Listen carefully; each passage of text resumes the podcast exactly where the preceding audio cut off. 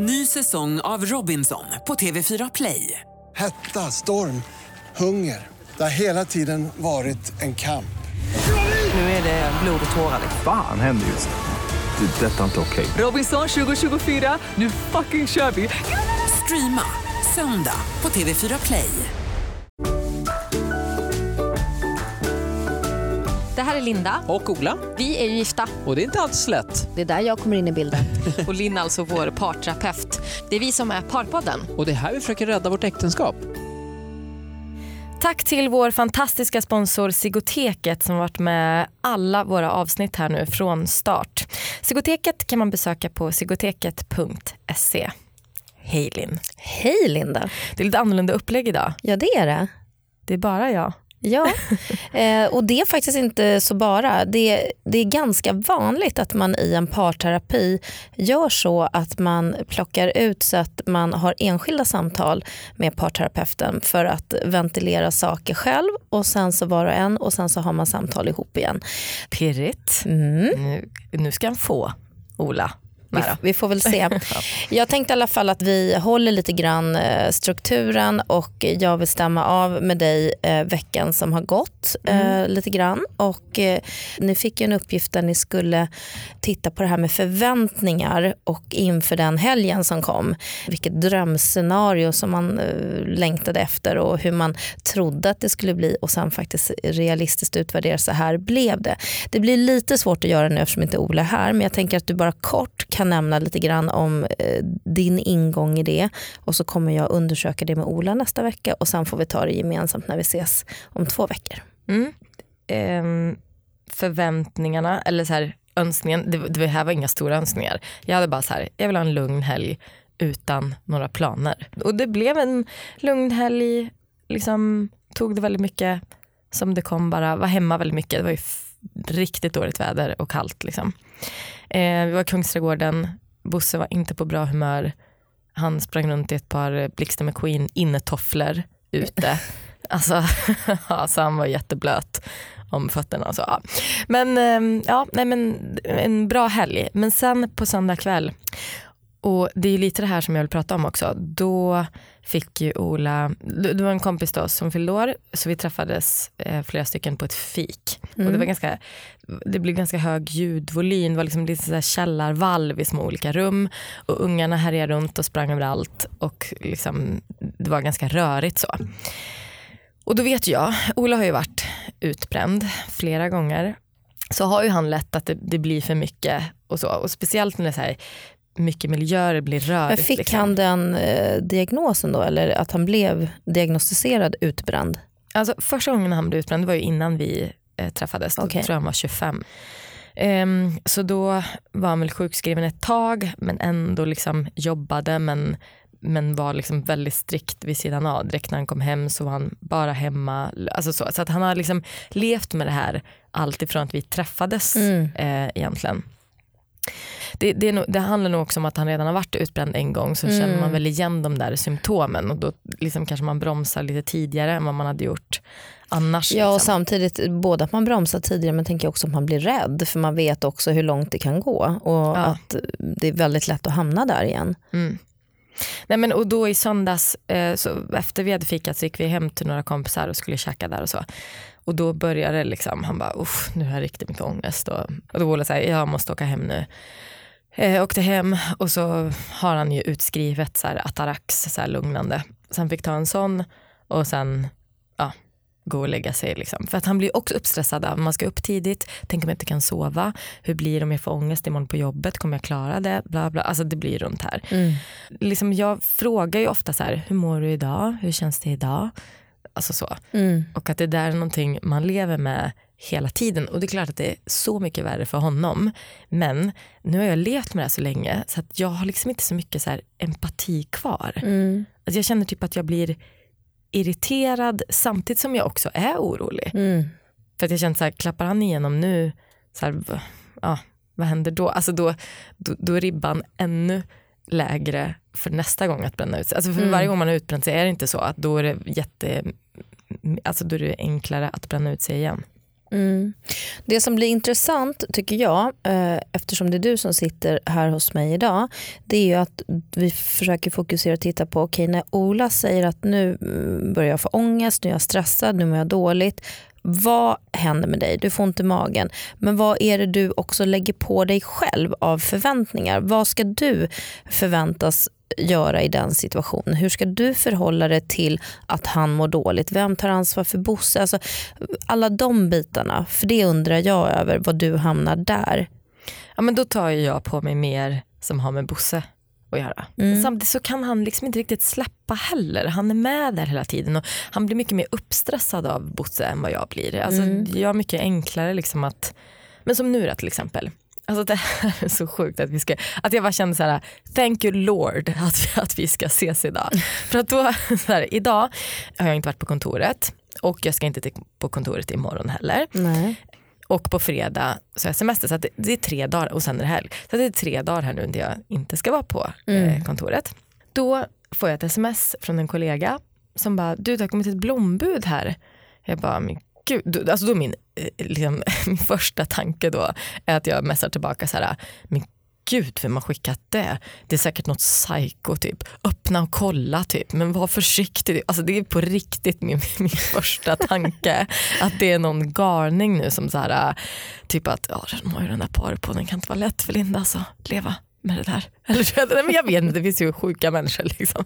Och jag har haft såna där grejer efter mig Så tidigare det var, också. det var inte så konstigt att du tänkte det? Nej, alltså det var ju länge sedan men nu jag jobbade med ring-tv och så här och då, jag, jag, jag, liksom, jag har någon slags dragningskraft till sådana typer av människor. Jag vet inte. Och då öppnar hon det här och sen messar hon tillbaka. Typ så här. Och, då, och då är det en bukett blommor och så är det en, eh, liksom ett kort där det står eh, älskar dig, tack för allt du gör. Och då blir jag så jävla förbannad. Alltså det är typ min första tanke och jag börjar grina. Alltså, och jag vet inte varför jag, varför jag blir så. Jag tycker att det är otroligt pinsamt att få sånt. Alltså på jobbet. Jag tycker till och med att det är pinsamt när andra får det. Alltså jag vet ju att det här ligger hos mig. Och, inte, alltså, nej men jag vet, inte, alltså, och det känns som att Ola känner väl mig hur bra som helst. Kan hon inte bara ge mig blommor hemma då? Eller ha köpt en liten present med någonting. Men- Om man nu men känner att man vill vi- visa vi att man bryr upp. sig. Vad är det som blir så jobbigt? Är det att det känns för privat? Du blir för Ja, utelämnad? Ja, jag tror det. Alltså, Jag känner typ nu att jag är på väg att börja gråta nu också. Mm. Och men för att Ola var hemma nu när jag skulle åka men han låg och sov då för de hade så här dubbelinspelat, gjort massa intervjuer och allting så han var jättetrött.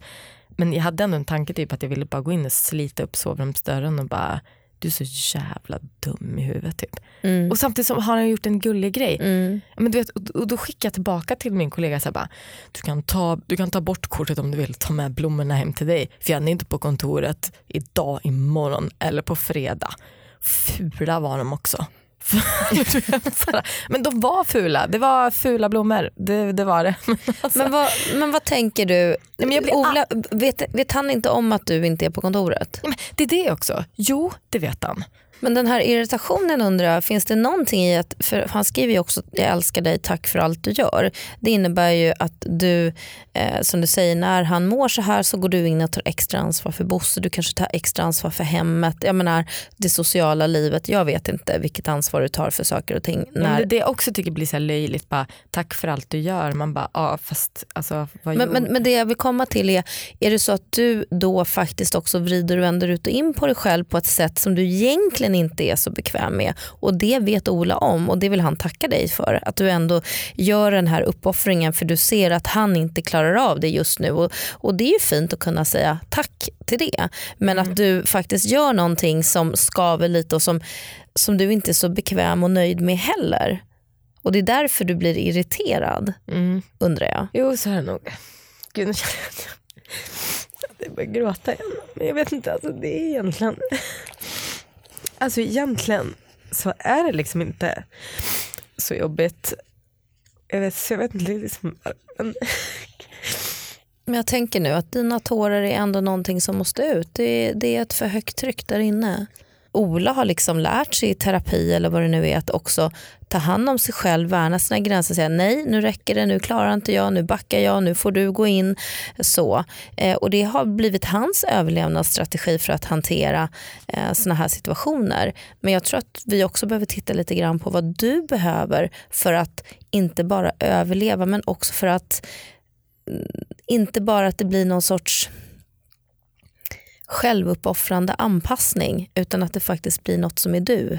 Jo, nej men så är det nog för att, men för att jag känner ju så att jag åker med i hans Ja. grejer. Liksom. Alltså, ja, men man blir ju typ lite medberoende kanske. Mm. Att man tar in allting. Liksom. Och ibland då kanske det känns som att Nej, men att man har två barn. Mm. Eller inte, Mm. alltså, Mm. men, men jag tycker inte att jag gör så mycket mer praktiskt hemma liksom, när han mår så. Nej. Det är Men känslomässigt. Ja, men psykiskt. det är det. Är psykiskt. Att bli bärare av någonting som någon annan inte riktigt orkar med det är ju något som är otroligt stort men osynligt. Men som känns. Ja och då blir det också så att ena stunden så åker jag med i det här och känner liksom empati och tycker så, och liksom så, gud vad jobbigt det här måste vara för honom. Och sen svänger det ganska fort till att jag, att jag bara är så jävla irriterad också. Mm. Och frågan är då, får du skuldkänslor för att du känner irritation när du vet hur han mår?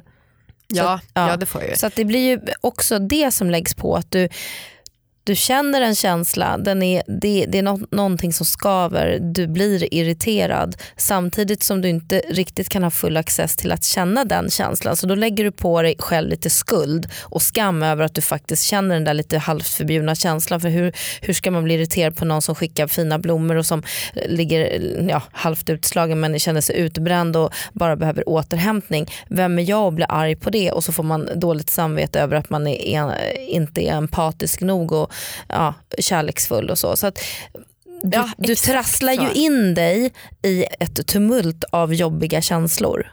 Mm. Och det är det som också kommer ut nu i tårar där du faktiskt inte kan riktigt sortera och, och hantera situationen. Det som jag tänker, jag menar nu har ju ni och jag valt att vi gör det här i ett poddformat och vi delar med oss av er process till andra för att det finns ett stort värde i det. Men det här att bara gå i samtal, i terapi, att lyfta upp jobbiga saker, att blotta sig själv och sitt innersta, att sätta ord på tankar och känslor som man kanske tidigare inte riktigt har haft ord för och våga uttala dem till den andra och, ta, och, och lita på att den andra kan ta emot och förstå och bli nyfiken på vad man menar. Den terapiprocessen som ni är inne i, den är ju jättejobbig. Bara det i sig är ju krävande. Att gå i terapi eller att gå i samtal om det så är tillsammans eller själv, eh, det ställer ju höga krav på ens psykiska eh, kapacitet, vad man ska orka. För terapin, det är ju inte bara när du och jag sitter de här 45 minuterna Linda, utan det är ju all den tid som går mellan att vi ses. Det som händer inom dig från det att vi skiljs åt här till att vi möts igen. Det är det som är terapin. Och den pågår ju 24-7 hela tiden. Du, går, du är ju med dig själv hela tiden. Så det är det jag menar att det ni är inne i den här processen också, det i sig ska man inte underskatta. För det är ett jättejobbigt eh, psykiskt jobb som, som ni gör. Och jag tror att det också är lite grann som du är inne på det här med medberoende. Du anpassar dig till att det får inte bli för jobbigt för Ola. Eh, Bosse får inte bli för skrikig för att då kan Ola, liksom, då kan hans mm, tolerans, mm, då, då, är, då, då funkar det inte längre. Att du tar på dig den eh, det ansvaret, det är också att bli medberoende i en relation. Det, det där lever jag med jämt. Och Alltid. det är väldigt jobbigt och det är en psykisk belastning på dig. Mm. Nej precis, jag måste, ju, jag, jag måste lära mig nu att här, när han mår dåligt att okej det där är hans grej. Exakt. Alltså här är jag. Du är separat. Ja. Och hur gör man det? Du måste på något sätt börja medvetandegöra, nej men vänta nu, varför? Börja ifrågasätta själv. Ställ de här frågorna tyst till dig själv. Varför gör jag det här nu? Eller varför blir jag ledsen? Varför blir jag irriterad när jag får det här blombudet? Att du börjar fundera mer över dina reaktioner. Och, och på, genom att du börjar fundera över det så kan du också härleda vad de faktiskt hänger ihop med. På riktigt. Alltså, ska, alltså jag förstår ju så här, nu, nu måste jag börja distansera mig till det här. Det förstår jag ju. Jag tycker, jag tycker inte nödvändigtvis ordet distansera det innebär att man någonstans tar ut avstånd men tar man ut avstånd för att skydda sig för, för att slippa känna då är det fel väg att gå men om man tar ut avstånd för att få nyktra perspektiv på vad man är indragen i att ställa sig en liten bit utanför. Du vet ju hur det är, du kan komma in i ett rum och så kommer man in ny och man är helt eh, man är inte smittad med någonting av vad som har varit innan. Och plötsligt så ser man och känner en massa saker som de som är i rummet inte känner för de är så indragna i allting.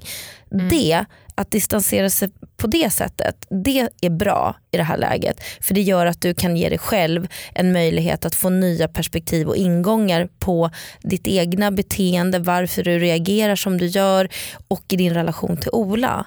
Men om du distanserar dig för att bara, äh, men det där är inte mitt, nu släpper jag det, så här, lite mer försvar. Då kommer det inte hända så mycket mer än att det kommer skapa väldigt mycket avstånd och distans. Ja, men jättebra. Gud vad bra. Pröva det. Ja, verkligen. Men det tror jag kan vara jättebra. För det är så himla lätt att man bara, för, för så var det ju nu med den här alltså blombuketten. Alltså man bara, vad, vad händer här nu? Mm. Alltså vad är de här reaktionerna? Och då tänker jag så här, är det för att jag blev arg nu för att han borde veta att jag inte ens ska vara på kontoret de här dagarna. Är det, fast, fast någonstans vet jag ändå så här, nej det var, en, det, det var inte den stora grejen. Alltså så här, det är något annat. Mm. Alltså så. Mm. Nej, men bra. Jag har en till grej som jag skulle vilja prata om också. Men innan dess så har vi ett sponsormeddelande och det är ju Sigoteket som är vår sponsor. Och snart så kommer Ola besöka butiken som de har på Vallalavägen. Så man kan hålla utkik på Sigotekets egen Instagram eller på Olas eh, Insta för att få info om tider och så när han kommer vara där. Ehm, sen har de också en hel del nya vätskor och smaker så man kan kolla in hemsidan eller om man vill då komma in till butiken om man är i Stockholms krokarna där på Vallalavägen på sigoteket.se.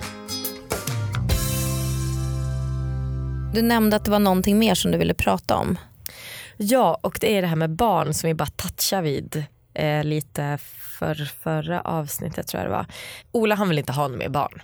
Så.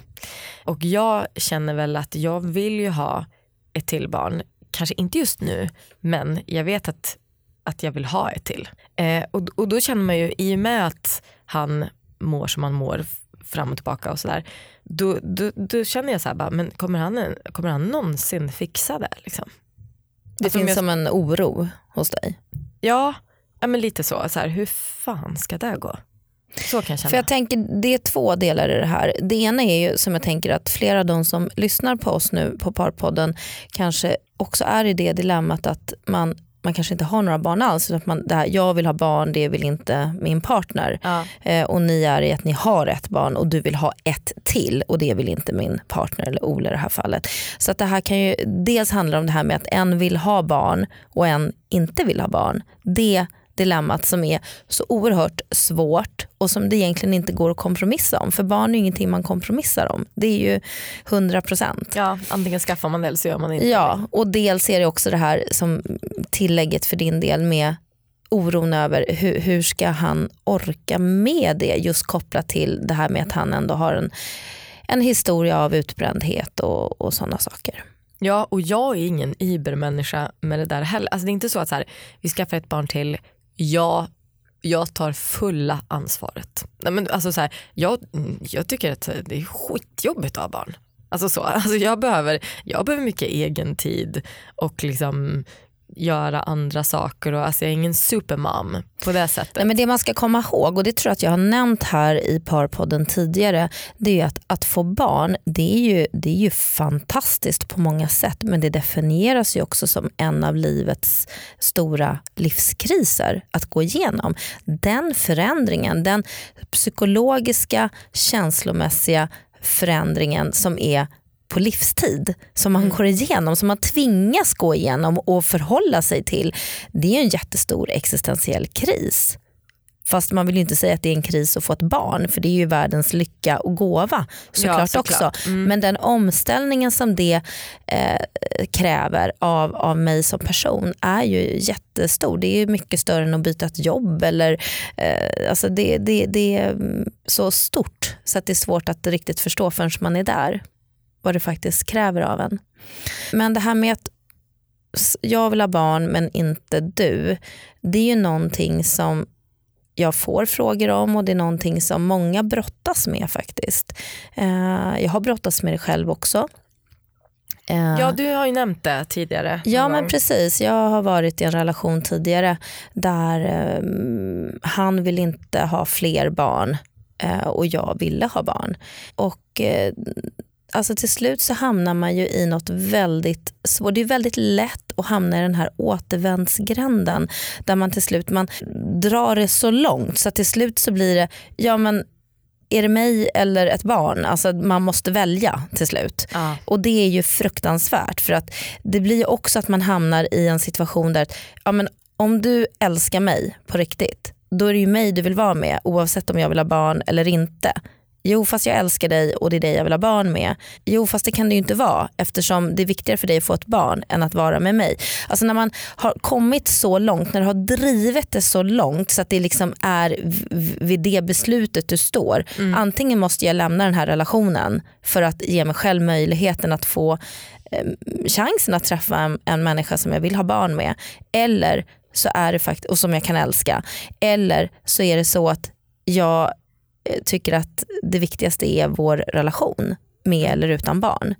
Den är ju väldigt smärtsam, den är ju väldigt Ja. svår att hantera. Dit har ju inte vi kommit Nej, än. och det är ju inte önskvärt att komma, dit. Det Nej. är absolut inte önskvärt. Och jag vet ju också flera eh, som jag har mött på både professionellt och privat där man har hamnat i den här situationen att eh, ja, men okej, jag tar allting. Jag, jag tar allt ansvar för allt. Du, Ja, du behöver där- inte göra någonting. Det och, och, och det är ju inte heller mm, på något sätt, alltså det är det jag menar, det går ju inte att kompromissa på det sättet. Därför Nej. ett barn föds ju med rätt till både en, en mamma och en pappa eller två föräldrar.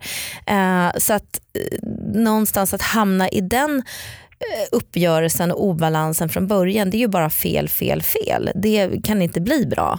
Så att det här är någonting som är väldigt väldigt svårt och jag hoppas ju verkligen inte att du och Ola ska komma så långt så att ni driver, driver det till att okej men här står vi vid vägs, världens ände så att säga och hur ska vi göra nu? Utan att min lösning på det är ju att man ändå försöker ha någon sorts dialog med varandra. Att eh, hitta den här balansen att både kunna uttrycka själv, att kunna skilja på dig och mig. Mm. Det jag vill och det du vill. Men att också kunna skilja på önskningar och behov. Vad jag önskar och vad jag behöver. Alltså att inte blanda ihop de sakerna. Och att också på något sätt kunna lyssna respektfullt, vara nyfiken parallellt som man brottas med den här längtan, smärtan, sorgen över att eh, inte få det man vill ha. Eh, det är så nära men ändå så långt bort. Ja men för att jag vill ju så här, om, om vi bestämmer oss för att skaffa ett till barn och Ola liksom är med på det då, då vill ju jag att han ska vara föräldraledig. För jag orkar inte vara föräldraledig hela tiden en gång till för det var fan fruktansvärt tycker jag. Eller så här, alltså Jag var Ja. hemma alldeles för länge, liksom. jag var hemma ett år och åtta månader. Ehm, sen var vi hemma tillsammans båda två också men det var liksom inte riktigt samma grej. Jag menar, alltså, så att, alltså, han har ju bara saker att förlora, man ska säga så, på att- skaffa ett barn till. För det är inte så att, nej men jag vill liksom inte skaffa ett till barn och bara okej men då är det jag som måste vabba hela tiden. Eller Nej. är det jag som ska vara hemma hela tiden. Eller, alltså så här, man vill ju, jag vill ju nästan att han ska vara mer föräldraledig än mig. Mm, så här, mm, Jag menar, så här, det, det där rimmar ju lite dåligt liksom. mm. Men är det ett laddat ämne när ni pratar om det? Nej om, vi pratar om det ganska ofta. Mm. Gör vi ändå. Det som oroar mig det är ju att även om man skulle ändra sig att jag undrar om man pallar. Det, så du har, är det, lite det blir lite svårt att lita på det han säger. Nej men att jag, jag har svårt att lita på att han, att han fixar det. Men om Ola skulle faktiskt säga så här, jo men vi kör, jag vill. Skulle du kunna lita på det då? Jag vet inte. För det är ju det som egentligen är det viktigaste i det här då. Det är ju inte om det blir ett till barn eller inte utan det är när han säger jag vill Linda, vi kör på det här.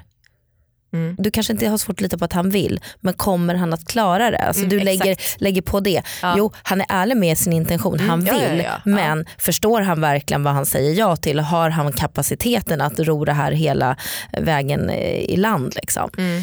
Eh, och det, Plus den, att jag kanske eh, också är orolig för att jag själv inte ska orka heller. mm, För att vi haft det ganska, men samtidigt så här, det är ju, mm, alltså Bosse är helt underbar, det är inte det men det har ju varit ganska jobbigt liksom. Alltså det är först nu som han sover hela nätter, absolut inte alla nätter men, men kanske tre av sju sover Mm. han hela nätter då, i veckan.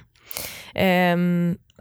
Men det behöver inte vara samma sak med unge nummer två. Fast samtidigt Nej, här, och framförallt så är det ju så att det är ni, från att man är en dyad, alltså två personer till att man blir en triad som ni är nu, det är er lilla familj, till att man blir fyra personer, då är man plötsligt en grupp av människor. Och hur det här relationer och sånt förändras i den här gruppen, det är alltså ett barn till det är naturligtvis en person till. Men det behöver inte alltid innebära att det blir dubbelt så mycket jobb till eller jobbigt till. Utan eh, jag har ju tre barn. Eh, och, och Man kan inte innan föreställa sig hur det är att ha ett barn och sen få två och sen ett tredje. Eh, saker och ting förändras men man, man växer ju också med det och man blir ehm, man anpassar sig också till det som man har att förhålla sig till. Ja för det man börjar känna det är ju så här, nu är Bosse snart fyra, om två år, nej men då kanske han kommer sova hos kompisar på helgen. Kanske inte alla varje helg jämt. Men ändå så här, jaha då sitter jag och Ola där själva på fredagsmyset. Ja det var det det. Det var de här åren. Alltså det kan jag få så här, uff vad fort det går. Och därför känner jag så här, vi måste skaffa en till. Mm. Ni- Det låter som att ni behöver prata om det tycker jag. Ja och det känns också som att Ola och Bosse de är så jäkla tajta. Och så här, hur ska det bli när vi blir, när vi blir äldre? Så bara, men Ola bara, men du kan ju liksom ta med dig Bosse och åka på någon resa. Bara, men han är 15, han kanske inte vill åka med sin mamma på en resa. Liksom. Mm. Eller så här, vad ska vi göra då? Kolla på, nej men jag vet inte, nu bara, jag, liksom, jag har ingen aning om vad som händer i framtiden. Men, men du vet lite så här, det har väl ingenting med, med, liksom, med kön att göra men alla är ju, är ju olika liksom. Och, och, det, och det känns som att Bosse och Ola har sin grej liksom lite. Och det är ju många som beskriver det när man får barn nummer två att ja, pappan kanske går in och tar ett större ansvar för det äldsta barnet därför att det lilla barnet kräver ju naturligtvis mammans närhet och amning och den här första tiden så att det blir redan där en uppdelning. Så det skulle i och för sig göra så att Ola och eh, Bosse kanske får ännu mer connections. Eh, det vet man inte. Mm, och att jag blir utanför. Nej jag skojar. Ja, det, är- det är ytterligare ett tema att jobba med, Nej. känslan av utanförskap. Nej, Ja, jag tror nej, inte du men- ska vara så rädd för det. Men det som jag skulle vilja ändå... Eh, jag är jätteglad för att vi hade det här eh, samtalet själva Linda. Det Mm, kändes ju som att du verkligen behövde det. Och det som jag skulle bara vilja eh, lägga med som, som någonting att ta med sig eh, som ett litet tips eller så för er som lyssnar och för dig också. För alla som är i en parrelation eh, eh, för att den ska fungera så finns det faktiskt tre S som man ska tänka på. Mm, jag älskar de här med bokstäverna. Ja, precis, vi kör bokstäver. Eh, och det är att samtala, alltså kommunikationen. Mm. Det är att samlaga, alltså sexa. Fruktansvärt ord. Ja. Alltså sexa. Nej, men om man ska översätta det psykologiskt så är det att återkoppla och länka till varandra. Och det tredje är att samarbeta, det vill säga lösa uppgifter tillsammans. Och det här är ett cirkulärt förhållande mellan de här tre, att samtala, samlaga och att samarbeta. Och genom att samarbeta, man löser en uppgift, men om man missar att återkoppla och ge feedback. Det vill säga när man har sex med varandra då länkar man ju till varandra. Då är det ett kugghjul som ändå går i varandra, eller hur? Man kommer närmare varandra. Ja. Eh, Men missar man det, missar man den här länkningen och återkopplingen, shitet, Mm. då spelar det ingen roll hur mycket man löser en uppgift, eller hur? För då, är de ändå liksom, då blir det ingen connection. Och om man då inte heller får den här återkopplingen och känner att man länkar i varandra, då blir det också väldigt, väldigt svårt att prata med varandra, att ha en dialog som är konstruktiv. Utan det som händer då, det är att man tystnar, man blir gnällig och det, man går liksom in i den här nedåtgående spiralen. Mm. Så att samarbeta för att lösa uppgiften, återkoppla, sexa, samlaga, länka till varandra, kittet som håller ihop för att kunna ha den här konstruktiva dialogen, att samtala med varandra. De tre S'en. Ja, så viktigt och det tycker jag verkligen har visat med den här podden. Alltså. Det har ju varit väldigt mycket fokus på sex, speciellt första säsongen. Men det, det visar också så här, hur jäkla viktigt det är. Alltså. Herregud, det är ju det. Jag, jag, tycker så många i min bekantskapskrets som har gått isär och så, det har ju börjat med det. Det har börjat med att man slutar ligga med varandra. Och sen går Ja, det att sluta fort. ligga med varandra är ändå ett observandum. Ja, Man behöver fundera över det, varför man slutar ligga med varandra. Mm. Och det här som vi pratade om också, att vardagshångla. Börja Ja. hångla mer, mm. överallt, hela tiden. Mm. Det är jättebra. Tack så mycket Linn. Eh, och tack så hemskt mycket alla ni som har lyssnat på eh, det här. Det var, ganska känslosamt idag men jag, det känns väldigt bra nu måste jag säga. Du ser gladare ut. Tack så mycket hörni och eh, vi är ju tillbaka nästa onsdag och då blir det ju då in individuellt samtal med Ola. Får vi se vad som kommer då. Absolut. Tack också till vår sponsor Sigoteket som man kan besöka på sigoteket.se som alltså säljer vapingprodukter på nätet. Vill man komma i kontakt med oss så kan man göra det på parpodden gmail.com. Sen har vi våra privata Instagram också, Lustig Linda, Ola Lustig och Linn understreck Hed heter vi där. Och sen har ju Parpodden ett eget konto också. Väldigt mycket sociala medier här nu. Hörni, vi ses nästa vecka. Hej då! Hej då. Ny säsong av Robinson på TV4 Play. Hetta, storm, hunger. Det har hela tiden varit en kamp. Nu är det blod och tårar. Fan händer just nu. Det. är Detta är inte okej. Robinson 2024, nu fucking kör vi! Streama söndag på TV4 Play.